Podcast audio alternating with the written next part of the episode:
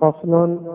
وأنتم أصلحكم الله قد من الله عليكم بالانتساب إلى الإسلام الذي هو دين الله وعافاكم الله مما ابتلى به من خرج عن الإسلام من المشركين وأهل الكتاب. والإسلام أعظم النعم وأجلها فإن الله لا يقبل من أحد دينا سواه. ومن يبتغ غير الإسلام دينا فلن يقبل منه وهو في الآخرة من الخاسرين. نعم ولذلك في الدعوة والتصحيح في مسائل التعبد وهي مسائل اليوم في العالم الإسلامي يعيش كثير من العامة من المسلمين غلطا في بعض مقاماتها. ينبغي أن يقرب المسلمون إلى الحق باسم الإسلام. المسلمون يقربون إلى الحق باسم الإسلام.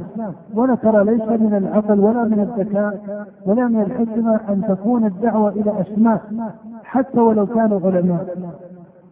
لماذا؟ لأنه أحيانا وهذا تعرفونه.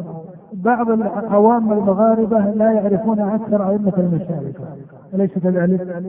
وعوام المشارقة لا يعرفون بعض أئمة المغاربة. بل أكثر من ذلك بعض علماء المغاربة. ما وصلوا إلى بعض علماء المشرق والأكثر هذه هذه طبيعة بشرية. هذه طبيعة بشرية. فأحيانا تكون ربما تكون بعض الأسماء عند قوم أكثر قبولا بخلاف من من بعض الأسماء. ولكن هناك أسماء مسلمة في أي مصر من الأمصار وأي تاريخ من حوار تاريخ الإسلام. فهذه الأسماء الثابتة التي لا يمكن لشخص أن يجادل حولها. هي أولى ما ينبغي أن تنطلق الدعوة باسمها أن هذا هو الإسلام أن هذا هو الذي دل عليه القرآن أن هذا مقتضى السنة أن هذا هدي النبي صلى الله عليه وسلم أن هذا هدي السابقين الأولين من المهاجرين والأنصار.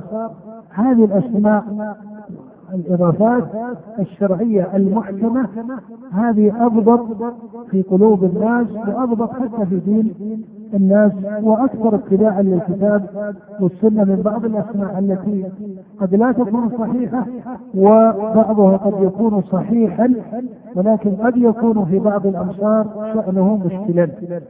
قد يكون في بعض الأمصار شأنه مشكلا. وأنتم تعرفون أن بعض العلماء لما قال إن الإمام أحمد بن حنبل ليس فقيها وهو من كبار المفسرين ماذا فعل به بعض العامة في بغداد؟ فأحيانا تقع مثل هذه الأحوال أحيانا العامة يعرفون اسمه ويعادون غيره أو يبلغهم عن غيره شيء وهلم مجر وتعرفون أن ابن تيمية مثلا قيل عنه كلام كثير.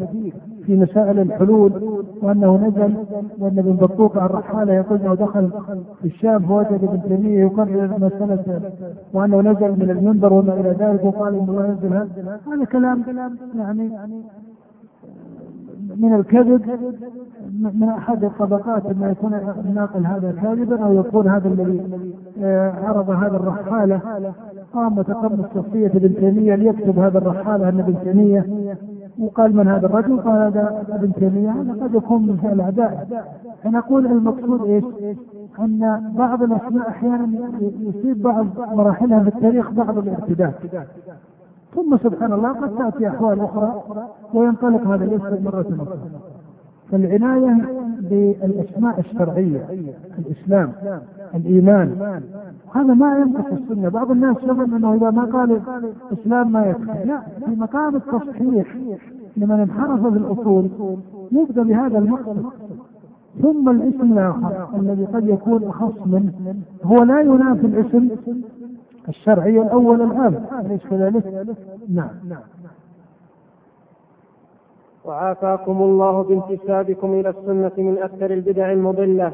نعم وهذا شأن يوجد في كثير من الصوفية وبعض المتكلمين أنهم ينتسبون لطريقة الأئمة ينتسبون للسنة والجماعة وطريقة الإمام وإن كان الانتساب ليس بالضرورة يستلزم المطابقة العلمية في الحقيقة لكن الانتساب من حيث هو الانتساب من حيث هو عمل شرعي فاضل يجب الإشادة بذكره ويحمد صاحبه. فإن من ينتسب إلى السنة والجماعة حتى لو أخطأ ما أخطأ فيها ليس كمن ينتسب إلى طائفة مبتدعة تذم أئمة السنة والجماعة أو ما إلى ذلك.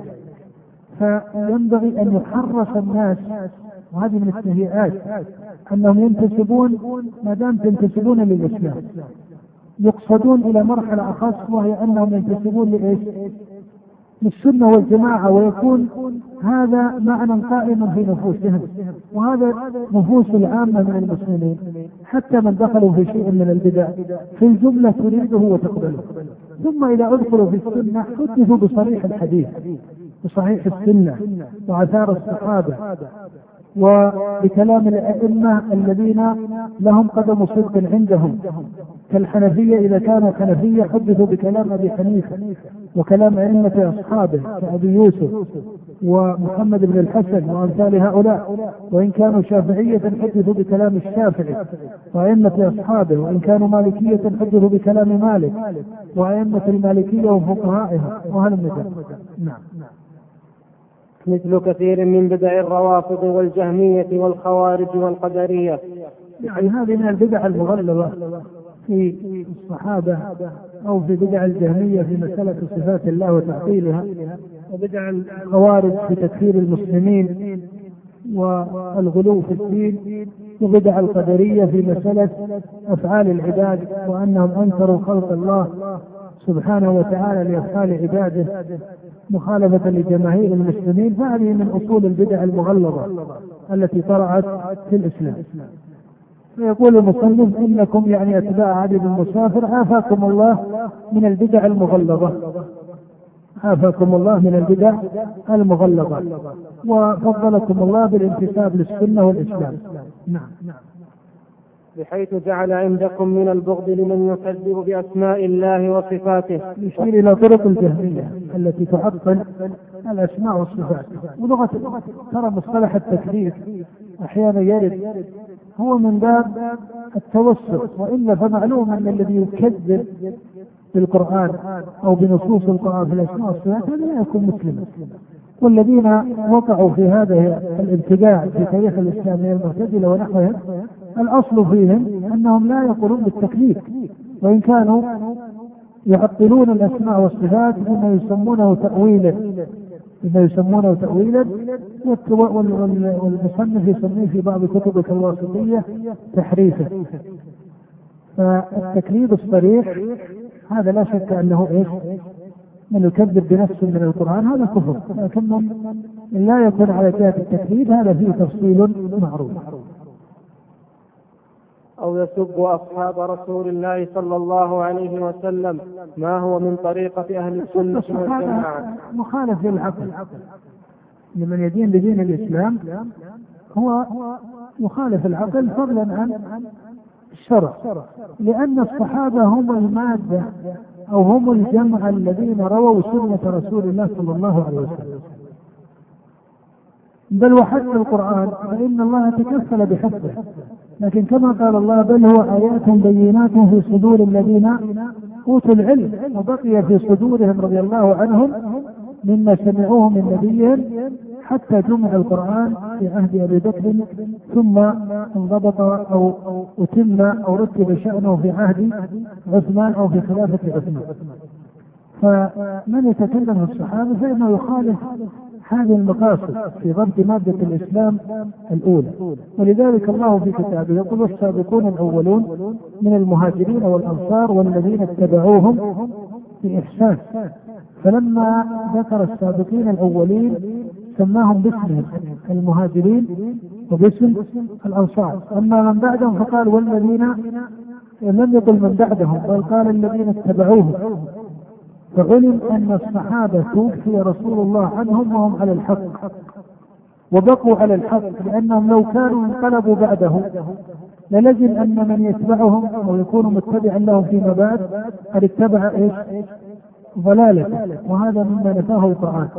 فلما جاء قوله والذين اتبعوهم بإحسان علم أنهم باقون على أصول العلم والحق التي بعث بها رسول الله صلى الله عليه وسلم. وهذا من أكبر نعم الله على من أنعم عليه بذلك. ولا يجوز قصر السابقين على آل البيت وبعض أئمة آل البيت لأنه لو أمكن ذلك في المهاجرين. تعرفون أن آل البيت يدخلون في المهاجرين إنهم من قريش. فلو فرض جدلا أنهم هم المقصودون من هذا ممتنع أن يخصوا به لا شك أنهم من أي من هدي أهل السنة والجماعة محبة الصحابة ومحبة أهل البيت لما لهم من الاختصاص بقرابتهم من رسول الله عليه الصلاة والسلام. كما ثبت في الصحيح لما قال النبي للعباس والذي نفسي بيده لا يؤمنون حتى يحبوكم لله ولقرابته. لكن الأنصار هم بيت آخر لا يدخلون في مسمى آل البيت ومع ذلك جاء النص القرآني بذكر رضا الله سبحانه وتعالى عنهم. فإن هذا من تمام الإيمان وكمال الدين ولهذا كثر فيكم من أهل الصلاح والدين وأهل القتال المجاهدين ما لا يوجد مثله في طوائف المبتدعين. نعم ولذلك إذا كتب الكاتب أو تكلم المتكلم ولو تكلم في قوم عندهم بدع ولكن إذا كان هناك أو وفي علمه وفقهه أنهم دون غيرهم من أهل البدع. فينبغي أن يميز ما هم عليه من الخير وانفكاكهم عن البدع المغلظة يعني إن صح التعبير من أهم المقاصد في فقه الدعوة أن لا يزيد القوم هؤلاء عن هذه البدعة إلى بدعة أشد منها بل يقصرون عن التمادي في البدع ويردون عما هم عليه من البدع إلى إيش؟ إلى السنة. أما إذا كتب الإنسان كتابا فيه من الذم والسب والطعن والتهجر ومع ذلك يطالبهم أن يرجعوا إليه. هذه ترى أحوال يعني النفوس أحيانا لا تقوى عليها.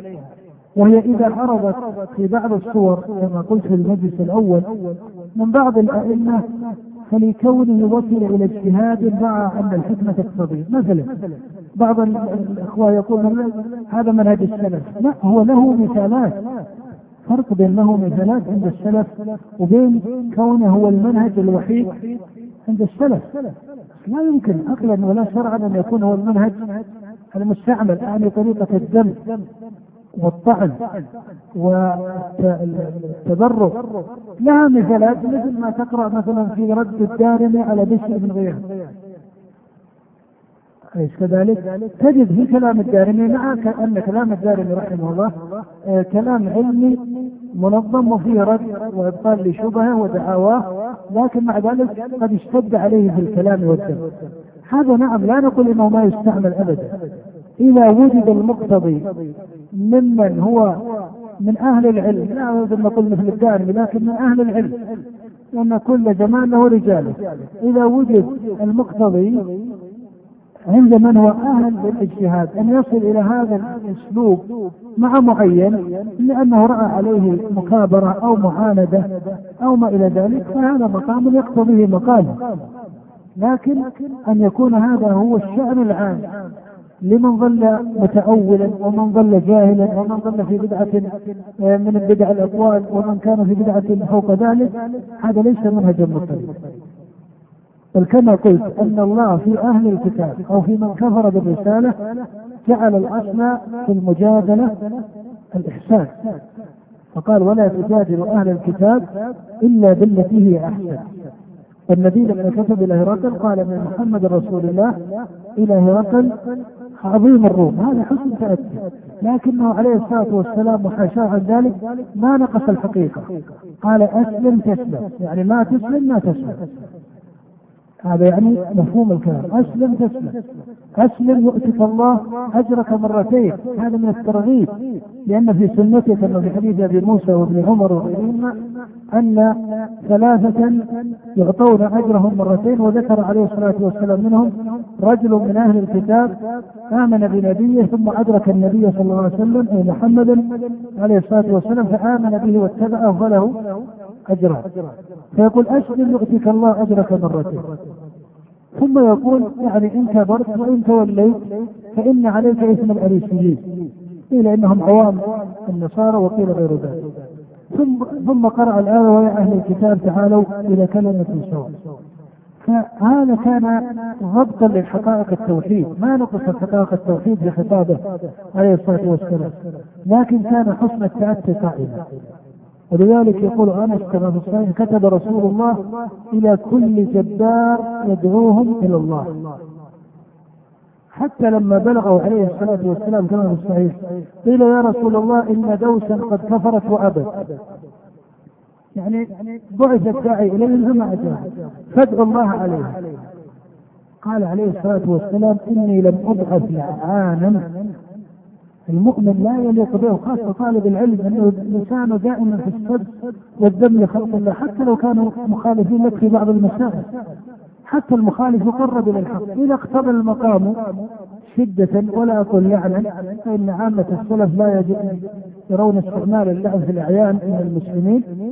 إذا اختار المقام شدة أو تصريحا بمقام أو ذكر باسم شرعي فإن هذا كما قلت فقه يذكره من يذكره من أعيان السلف كأحوال تكون لهم لكنها ليست هي وحدها المستعملة في فقهها وللإمام أحمد رضي الله تعالى عنه جوابات كلمات في بعض المخالفين فيها آه، شدة أو قوة بعبارة أصح فيها قوة. هذه أصدق شرعا الكلمة وله بعض الكلمات فيها من حسن التأتي والترفق في بعض الأحوال. فهذا فقه شرعي. وأنا أقول لكم لا ينبغي للطالب لطالب العلم أن يبحث عنه في آثار بعض أهل العلم. مع أن هذا بحث جيد لكن أجل من البحث في آثار بعض أهل العلم. أن الإنسان يقرأ القرآن. الأنبياء بعثوا والرسل بعثوا وقصصهم في منهج فقه الدعوة الدعوة إلى الحق وتصحيح الأخطاء ثم إلى ذلك هذه قصص الأنبياء. هذه هي القصص ولا ما هو المقصود من قصص الأنبياء؟ مثل بعض النظام التاريخي الموجود في بعض الحضارات أن نعرف ما هو اسم فلان وما هو اسم فلان. في أغلب قصص الأنبياء ما يذكر الاسم. أليس كذلك؟ رجل وقال رجل من آل فرعون من هو الرجل؟ ما يهمك أنه اسم هذا الرجل؟ إبراهام وإلا عزرا وإلا كذا وإلا كذا. هذا ما هو التاريخ المعبر الذي يقود إلى العبرة ان تعرف الاسم لأن الاسم أي اسم كان ما يقدم ولا يؤخر. ولذلك تجد القرآن وقال رجل مع انه ممكن يصرح باسم الرجل. أليس كذلك؟ فوجد عبدا من عباده. في أصل سياق القرآن ما صرح به لكن جاء النبي عليه الصلاة والسلام لمقام الخبر وما عنده من الاختصاص وصرح عليه الصلاة والسلام بقصة الخضر. وبذكر الخضر تجدون أن الله لما ذكر إتيان موسى إليه والسبب ما هو؟ أن موسى قام في بني إسرائيل فقام رجل وقال يا موسى هل أحد أعلم منك؟ قال لا. أنا أعلم فقال ولم يكن عليه الصلاة والسلام عليه موسى لم يكن عليه الصلاة والسلام نبيا خاتما عاما للثقلين الجن والإنس فعتب الله عليه كما في حديث ابن عباس في الصحيح قال فعتب الله عليه إذ لم يرد العلم إليه فجاءت قصة الخبر لما وصل إلى الخبر في سياق القرآن ماذا قال الله؟ لاحظوا الرجل الذي أراد الله سبحانه أن يبين الحكمة التي قصدها سبحانه لموسى من جهته. ما هي صفته؟ قال فوجد أي موسى وفتاه. عبدا من عبادنا آتيناه رحمة من عندنا وعلمناه من لدنا علما أي جمع له مقام؟ العلم مع الرحمة. ولذلك ابن تيمية يقول علم بلا رحمة لا ينفع فهو استطالة على خلق الله. ويقول رحمة بلا علم لا تنفع. ولذلك الآن البعض عنده شيء من العلم لكن عنده قسوة على الناس. ولو خلي بينه وبين بعض الناس لفعل الأفاعيل. هذا ليس هديا ولا منهجا ولا منهجا حتى لأمة السلف حتى مع أهل البدع. الإمام أحمد رحمه الله لما فعل به من فعل ما أفتى يعني لما كان في زمن الرخاء. قبل المأمون العباسي وفي زمن المتوكل بعد المأمون العباسي. هل أصدر الإمام أحمد فتاوى بقتل علماء المعتزلة؟ قبل أن يأتي المأمون وتبدأ فتنة خلق القرآن. نعم كان الإمام أحمد يذم القول بخلق القرآن ويحذر من أهله لكنه ملجم لنفسه بلجام الشريعة ولجام العدل. لكن لما تسلط المعتزلة وبعض قضاتهم في زمن المأمون العباسي أفتى بعض قضاة المعتزلة كابن أبي بقتل الأئمة. ولما رجع الأمر وتحسنت الحال زمن المتوكل العباسي ما قال الإمام أحمد هذه بهذه وأصدر فتوى بقتل فلان وفلان أو ملاحقة فلان وفلان. فقه السلف يا الاخوه فقه شريف. لا شك أن منهج السلف هو المنهج الذي يجب أن نكون عليه لكن ينبغي أن نكون فقهاء فيه. وفكر ومذهب السلف ليس أكثر من الكتاب والسنة لأن مذهبهم محصل من الكتاب والسنة فليتفقه الطالب في كلام الله قبل كل شيء. ثم فيما صح عن النبي صلى الله عليه وآله وسلم ولا سيما كتب الحديث المشهوره في الكتب الستة ومسند الإمام أحمد وموقع الإمام مالك رحمه الله. وما زال في عساكر المسلمين المنصورة وجنود الله المؤيدة منكم من يؤيد الله به الدين ويعز به المؤمنين وفي أهل الزهادة والعبادة أثنى عليهم بما هم عليه من الخير هذا ما مثل لما قال النبي محمد رسول الله إلى هرقل عظيم الروم. هو فعلا عظيم الروم. يعني ما ما زاد في الامر أو أعطي ما ليس له أو ما إلى ذلك. هذا اعتراف بشيء واقع أنه عظيم الروم. كذلك في كلام المؤلف يعترف بما لهم من الخير. ولا بد ان الإنسان يعترف. الله سبحانه وتعالى لما ذكر الناس قال لا خير في كثير من نجواهم. إلا من أمر بصدقة أو معروف أو إصلاح بالناس هذا عام حتى للكفار. ولذلك لما قصد أهل الإيمان والإرادة الصادقة قال ومن يفعل ذلك ابتغاء مرضاة الله سوف نؤتيه أجرا عظيما. ومن عدل الله سبحانه أنه لا يظلم الكافر حسنة. حتى الكافر إذا فعل حسنة فإن الله سبحانه وتعالى يعطيه بها.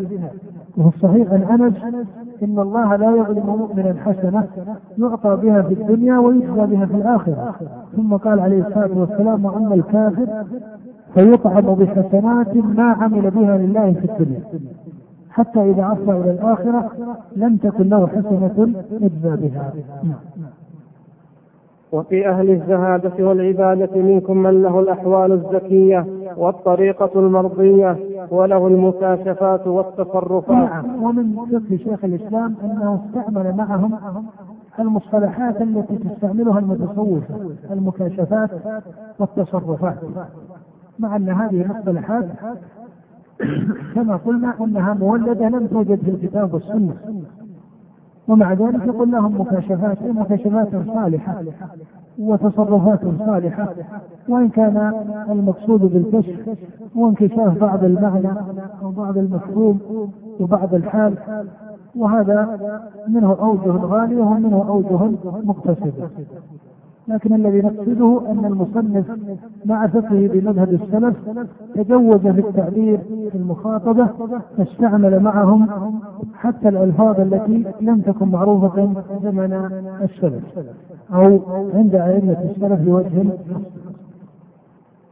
وفيكم من أولياء الله المتقين من له لسان صدق في العالمين فإن قدماء المشايخ الذين كانوا فيكم مثل الملقب بشيخ الإسلام أبي الحسن علي بن أحمد بن يوسف القرشي الهكاري وبعده الشيخ العارف القدوة عدي بن مسافر الأموي. ومن عارف هذا مصطلح أيضا من المصطلحات الشائعة أي أنه وصل إلى درجة المعرفة وكذلك القدوة لأنه صار قدوة يقتدى به. وليس الإشكال في التصوف أن صاحبه يسمى عارفا أو يسمى قدوة. هذه أمور فيها آه، كثير من التجوز إذا اقتضت مصلحة المراجعة إلى ذكرها ولذلك تجد أن المصنف يستعمل مثل هذه التعبيرات. نعم. ومن سلك سبيلهما فيهم من فيهم من الفضل والدين والصلاح والاتباع للسنة ما عظم الله به أقدارهم ورفع به منارهم. والشيخ عدي قدس الله روحه كان من أفاضل عباد الله الصالحين وأكابر المشايخ المتبعين وله من الأحوال الزكية والمناقب العلية ما يعرفه أهل المعرفة بذلك وله مسائل السلوك أيها الأخوة ولدخول كثير من العوارض في وقت مبكر من التاريخ. كما قال شيخ الإسلام رحمه الله في تعليقه على بعض المسائل وهي مسألة التأثير. في أفعال العباد تأثير الإرادة في أفعال العباد. قال كلمة إحيانا قد تقال في مقامات أخرى يقول هذا المقام مقام وأي مقام ظلت فيه أفهام وزلت فيه اقدام يقول وقد خاض فيه خلق من البصراء والفاحصين والمكاشفين. قال فعامتهم فهموا صحيحا وقل منهم من عبر فصيحا. هذا لا يلزم أن يضطرب في كل المسائل لكن هناك مسائل أن أن القاصدين إليها قصدوا حقا ولربما أنهم فهموا وجها من الحق لكن عبروا عنه بحروف محدثة. فهذا النمط صح اللفظ ومنهم ما قد يكون لم يفهموا صحيحا بل فهموا باطلا وعبروا باطلا هذا نمط آخر. لكن أحيانا بعض التعبيرات آه، هي التي تفسد بعض المعاني. هي التي مثل الهروي رحمه الله في كلامه. لو استعمل كلمات مأثورة في تعريفه لبعض المقامات الكلام وابتعد عن بعض المصطلحات المولدة وكان كلامه من أزود الكلام وكلامه من أنفع الكلام. وحتى أبو حامد الغزالي في كلامه أحيانا يتكلم بلغة المقاربة وهي التي يقصدها الغزالي للعامة من المسلمين فيكون كلامه يعني أبا حامد إذا تكلم للعامة من أجود الكلام وأنفعه ولذلك هو في السلوك إمام معتبر أي معتبر من حيث وصوله إلى بعض المعاني الصحيحة. وإن كان قد زل في مقامات في مسائل السلوك إلى أوجه مستغربة بل أوجه منكرة كما سبق التنبيه إليه. وله في الأمة صيت مشهور ولسان صدق مذكور وعقيدته المحفوظة عنه لم يخرج فيها عن عقيدة من تقدمه من المشايخ الذين سلك سبيلهم كالشيخ الإمام الصالح أبي الفرج عبد الواحد بن, محمد بن علي الأنصاري الشيرازي ثم الدمشقي. لأنه يعني علي بن مسافر كما أشار بالجميع في المواضع قد لخص عقيدته من عقيدة الشيخ أبي الفرج. نعم. ثم الدمشقي وكشيخ الإسلام الهكاري ونحوهما وهؤلاء المشايخ لم يخرجوا في الأصول الكبار عن أصول أهل السنة والجماعة بل كان لهم من الترغيب في أصول أهل السنة والدعاء إليها والحرص على نشرها ومنابذة من خالفها. مع الدين والفضل والصلاح ما رفع الله به أقدارهم وأعلى منارهم وغالب ما يقولونه في أصولها الكبار. جيد مع أنه لا بد وأن يوجد في كلامهم وكلام نظائرهم من المسائل المرجوحة. في كلامهم وكلام في كلامهم وكلام نظائرهم نظرائهم من المسائل المرجوحة. والدلائل الضعيفة. كأحاديث لا تثبت. ومقاييس لا تضطرد ما يعرفه أهل البصيرة. نعم وهذا كثير في بعض الصوفية أنهم يكونون على قصد السنة والجماعة والعناية ببعض أصولها الكبار لكنهم لا ينفقون عن بعض البدع والطرق المحدثة بالإسلام أو الجهل بالصحيح والضعيف واستعمال بعض الموضوع فيما يقررونه ويستقبلونه. هذا نوع من آه، التصوف أو نوع من الحاله التي صار في كثير من الصوفية الذين ينتسبون للسنة والجماعة. نعم. وذلك أن كل أحد يؤخذ من قوله ويترك إلا رسول الله صلى الله عليه وسلم لا سيما المتأخرون من الأمة الذين لم يحكموا معرفة الكتاب والسنة والفقه فيهما. نعم كثر في المتأخرين مثل هذا. ولذلك من أراد أن يحاسب الناس محاسبة دقيقة صح التعبير. فإذا رأى أنه زل في كلمة أو ابتدع في كلمة أراد أن يجافيه أو يجافي ذكره أو ينفيه عن السنة والجماعة نفيا مطلقا هذا مقام لا يسعه أو لا يسع معه أحد. لأن المتأخرين من الفقهاء والنظار والسلوكيين وأصحاب السلوك كثر فيهم مثل ذلك دخلت عليهم بدع. ولا شك أن هناك كلمة لشيخ الإسلام قبل ذلك أذكرها. الإمام ابن تيمية يقول شعار أهل البدع المغلظة ترك الانتساب للسنة والجماعة وسبيل السلف. يقول ابن تيمية رحمه الله شعار أهل البدع المغلظة وهذه الجملة يذكرها كثيرا. يقول إن شعار أهل البدع المغلظة هو ترك الانتساب للسنة والجماعة وسبيل السلف.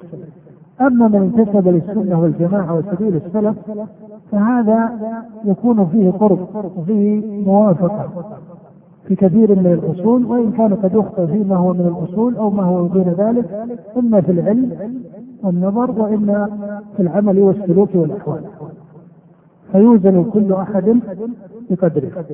ومسألة البدعة قد تعرض أحيانا بعد البدع البدع اللفظية بعد البدع أو بعض البدع الفعلية حتى أن شيخ الإسلام قال وكثير في في المجلد التاسع عشر يقول وكثير من مجتهدي السلف والخلف قد قالوا وفعلوا ما هو بدعة.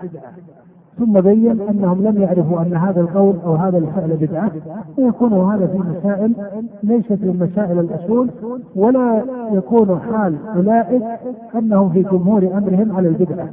بل يكونون من أصحاب السنة في الأصول والعلم والعمل لكن حدثت لهم بعض الكلمات أو بعض الأقوال التي أخطأوا السنة فيها. نعم. ويميز بين صحيح الأحاديث وسقيمها. ولذلك أبو عبيد القاسم بن سلام لما ذكر مرجئة الفقهاء.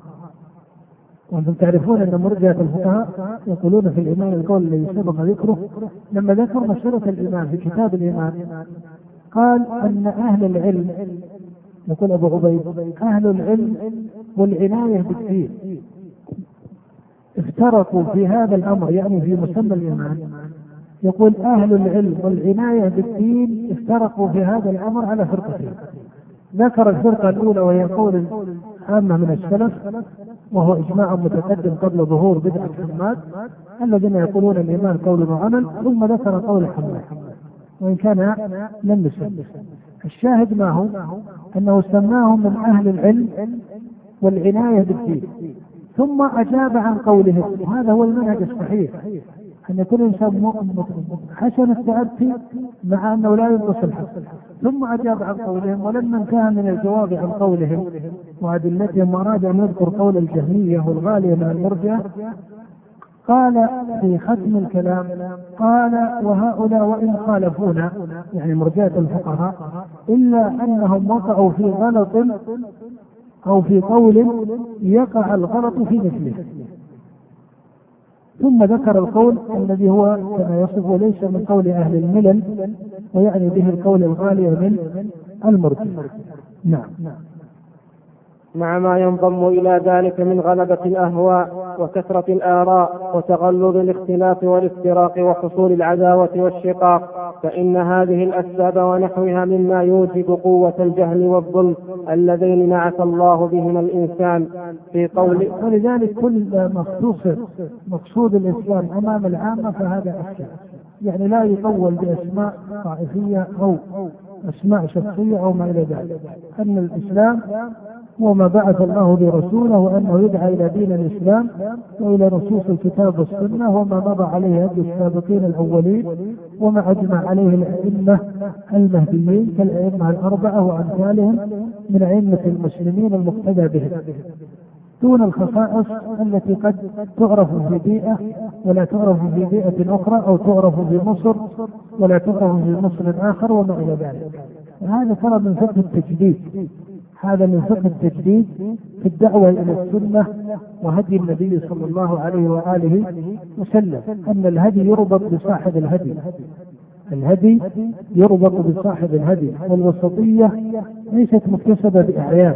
الوسطية مكتسبة عندما يضاف إليها مكتسبة بقيامه بالسنة والهدي الذي ترك النبي عليه أصحابه وأنتم تعلمون أصلحكم الله أن السنة التي يجب اتباعها ويحمد أهلها ويذم من خالفها هي سنة رسول الله صلى الله عليه وسلم في أمور الاعتقادات وأمور العبادات وسائر أمور الديانات.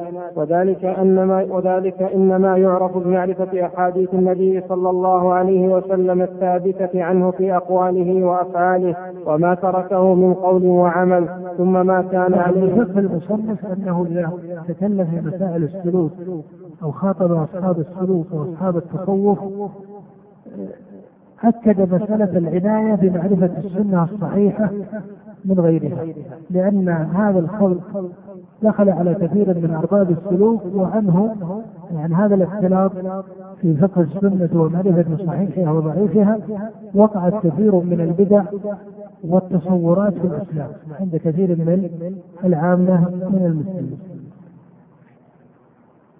نعم. نعم وذلك في دواوين الإسلام المعروفة. نعم ذكر دواوين الإسلام وبدأ بذكر البخاري ومسلم وكتب السنن ثم ذكر ذلك بعض المصنفات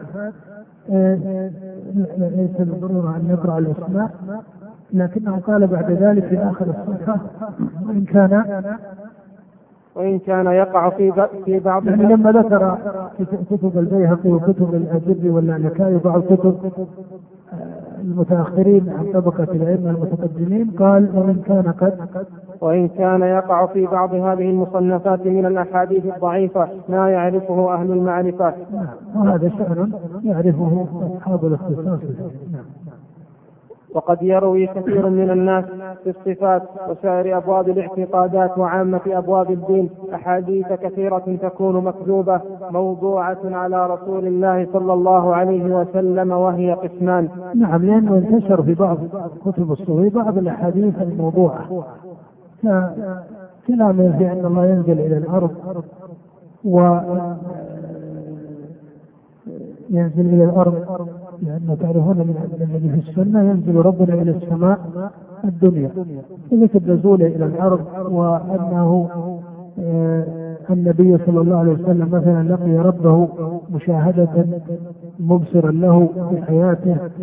وما إلى ذلك من بعض الأحوال أو بعض الروايات التي لا يثبت منها شيء عند أهل الحديث. ولا سيما إذا اعتبرت هذه الروايات كنوع مفاصل في تقرير مسائل السلوك والتعبد ونحو ذلك. نعم. منها ما يكون كلاما باطلا لا يجوز أن يقال فضلا عن أن يضاف إلى النبي صلى الله عليه وسلم.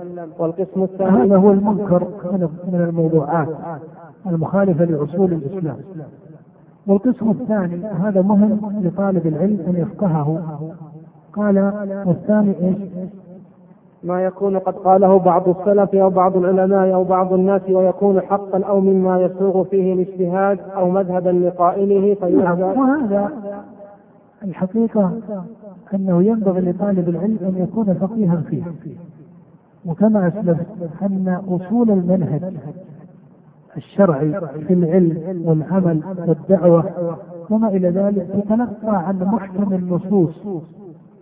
تتلقى عن محكم نصوص الكتاب والسنة والهدي المضطرد الذي كان عليه السلف أهل القرون الثلاثة الفاضلة. هذه هذه قواعد المنهج ووصول الحكم تتلقى عن هذا. أما الكلمات المختصة لبعض السلف أو المثالات المختصة لبعض السلف فهذا فقه له قدره وله شأنه ولكن يجب أن يجمع مع نظيره الذي قد يكون بوجه ما يخالفه في الحال. فقد يكون هذا السياق فيه من الشدة وهذا السياق فيه من الخفض وهذا فيه من الرفع. فلا ينبغي لطالب العلم أحيانا يأتي بعض الطلبة. لا يفقه في نصوص الكتاب والسنة ومنهج التعامل مع المخالف شيئا. لكن قد يجد كلمة سئل فلان أن أكلم أهل البدع حتى مرة أحد الطلبة سأل هذا السؤال. يقول كيف نناظر أهل البدع؟ مناظر أهل البدع ما فيها شيء. إذا كان المناظر أهلا والمصلحة الشرعية تقتضي ذلك. قال لي لكن هذا يشكل أنه خلاف مذهب السلف.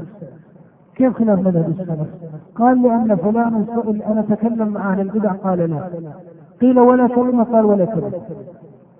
يعني هذا الفهم والكلام الإشكال ليس في كلام هذا الإمام. هذا كلام جواب في حال معين. وأنت لا بأس أن تجد عالما اليوم قد يسأل. ونتكلم أهل البدع فيقول أعرض عنه. لأن الله يقول وأعرض عن والجاهل والذين هم عن اللغو معرضون. فهذا فقه يناسب مقامه. أما أن يفترض أن هذا هو المنهج المضطرب أن السني لا يكلم البدعي. لا على سبيل الدعوة ولا على سبيل النصح ولا على سبيل التوجيه. هذا لأنه يقول لا ولا كلمة. يعني هو مسك على ولا كلمة. هذا مثال شاهد. يعني أحد طلب يسأل هذا. قد يكون هذا مثالا ضيقا. لكن ربما هو مثير ولذلك ذكر. الذي نقصده أن. أن كلمات أئمة السلف رحمهم الله هي فقه واجتهاد. تجمع مع غيرها من كلامهم وكلام نظرائهم حتى يكون المنهج منهجا منضبطا مضطردا على أصول الحكمة التي كان عليها الأنبياء عليهم الصلاة والسلام في دعوة من ضلوا سواء السبيل من أجناس الكفار فضلا عن المبتدعه المخالفين في شيء من مسائل وأصول الإسلام. نعم. وهذا كثير عند من لا يعرف الحديث مثل المسائل التي وضعها الشيخ أبو الفرج عبد الواحد بن محمد بن علي الأنصاري وجعلها محنة يفرق فيها بين السني والبدعي وهي مسائل معروفة. يعني مثل هذه الطريقة انه من لم يكن كذا فهو كذا. التفريق بين السني والبدعي يكون بالاصول المحكمة المنضبطة التي انضبط فيها الإجماع.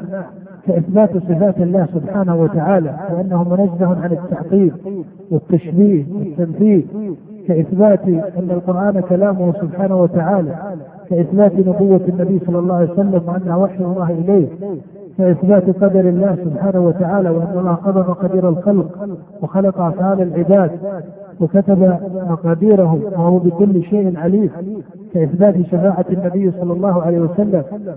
هذه الأصول عذاب القبر ونعيمه عدالة الصحابة هذه الأصول التي تميز السني من البدع أما بعض الاجتهادات الخاصة التي عرضت هذا فقه يختلف.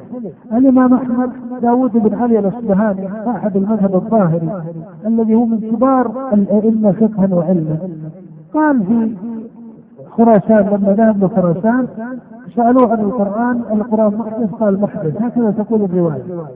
لأنه وجد أن في سياق القرآن ما يأتيهم من ذكر من ربهم محدث. فرأى أن كلمة الإمام أحمد بلغه أن داود بن علي أجاب في تلك البلاد في أصبهان أن أو في خراسان أنه قال محدث. كان الإمام أحمد ينهى عن هذه الكلمة. لما جاء داود بن علي وقال ابن الإمام أحمد لابيه إن هذا رجل من أهل اصبهان يستأذن عليه قال من هو؟ وكان بين داود وبين ابن الإمام أحمد تلاطم قال من هو؟ قال داود قال ابن من؟ قال ابن علي قال لا يدخل لماذا؟ قال إنه بلغني عنه أنه قال كذا وكذا طبعا هذا مثال كما قلت يصدق فقهه فيما يناسب حال الإمام أحمد اجتهاد وصل إليه رجل. يعني إذا وصل عندنا رجال مثلا في هذا العصر كان الشيخ مثلا بن باز رحمه الله أو كان الشيخ مثلا ناصر الدين الألباني رحمه الله. مثل هؤلاء أحيانا يكون لهم بعض الاجتهاد مع بعض الناس. فلا يلزم بالضرورة أن هذا يكون منهجا مضطردا لسائر الطلبة وسائر الناس ويطرد في هذا. وإلا فالإمام أحمد تخصص مع بعض الناس الذين كانوا دون ذلك. وأنتم ترون أن النبي صلى الله عليه وسلم حتى في الغزو في غزوة آخر الغزوة التي نزل القرآن مفصلا في شأنها وتخلف من تخلف من الصحابة عنها ما هجر رسول الله أولئك المنافقون أو المنافقين الذين تخلفوا عن الرجوع لكنه هجر بعضا من أصحابه ونزل القرآن بتوبتهم والثناء عليهم وما إلى ذلك. هذا فقه.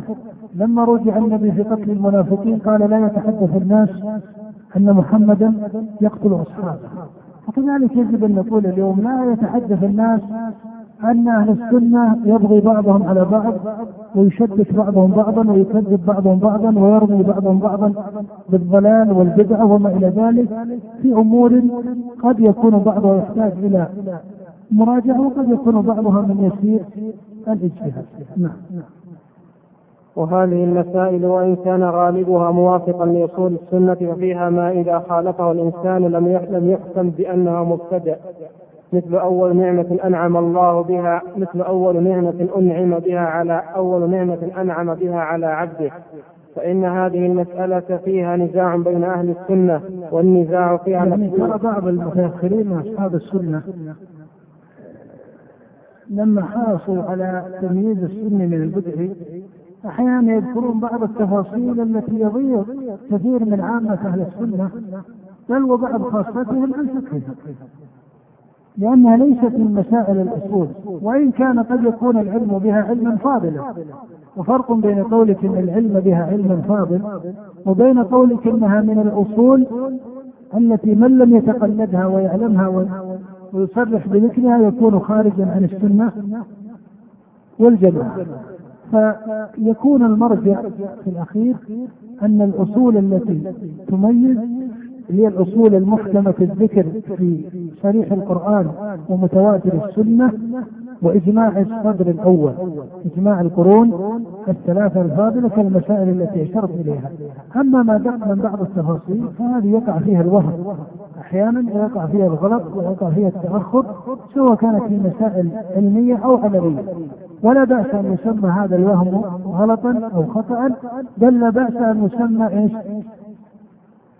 لا بأس أن يسمى بدعة لكن لا يلزم أن صاحبه يكون خارجا عن السنة والجماعة خروجا مطلقا كما كان الأئمة رحمهم الله لما قال حماد بن أبي سلمة مقالته يقول للإمام ابن تيمية يقول لم يكن الأئمة من أهل الكوفة وغيرهم يترددون أن هذا القول بدعة ولكن مع ذلك لم يجعلوا حمادا وأمثاله من الكوفيين من أهل البدع المطلقة فضلا عن المغلظة أي من الخارجين عن السنة والجماعة مطلقة.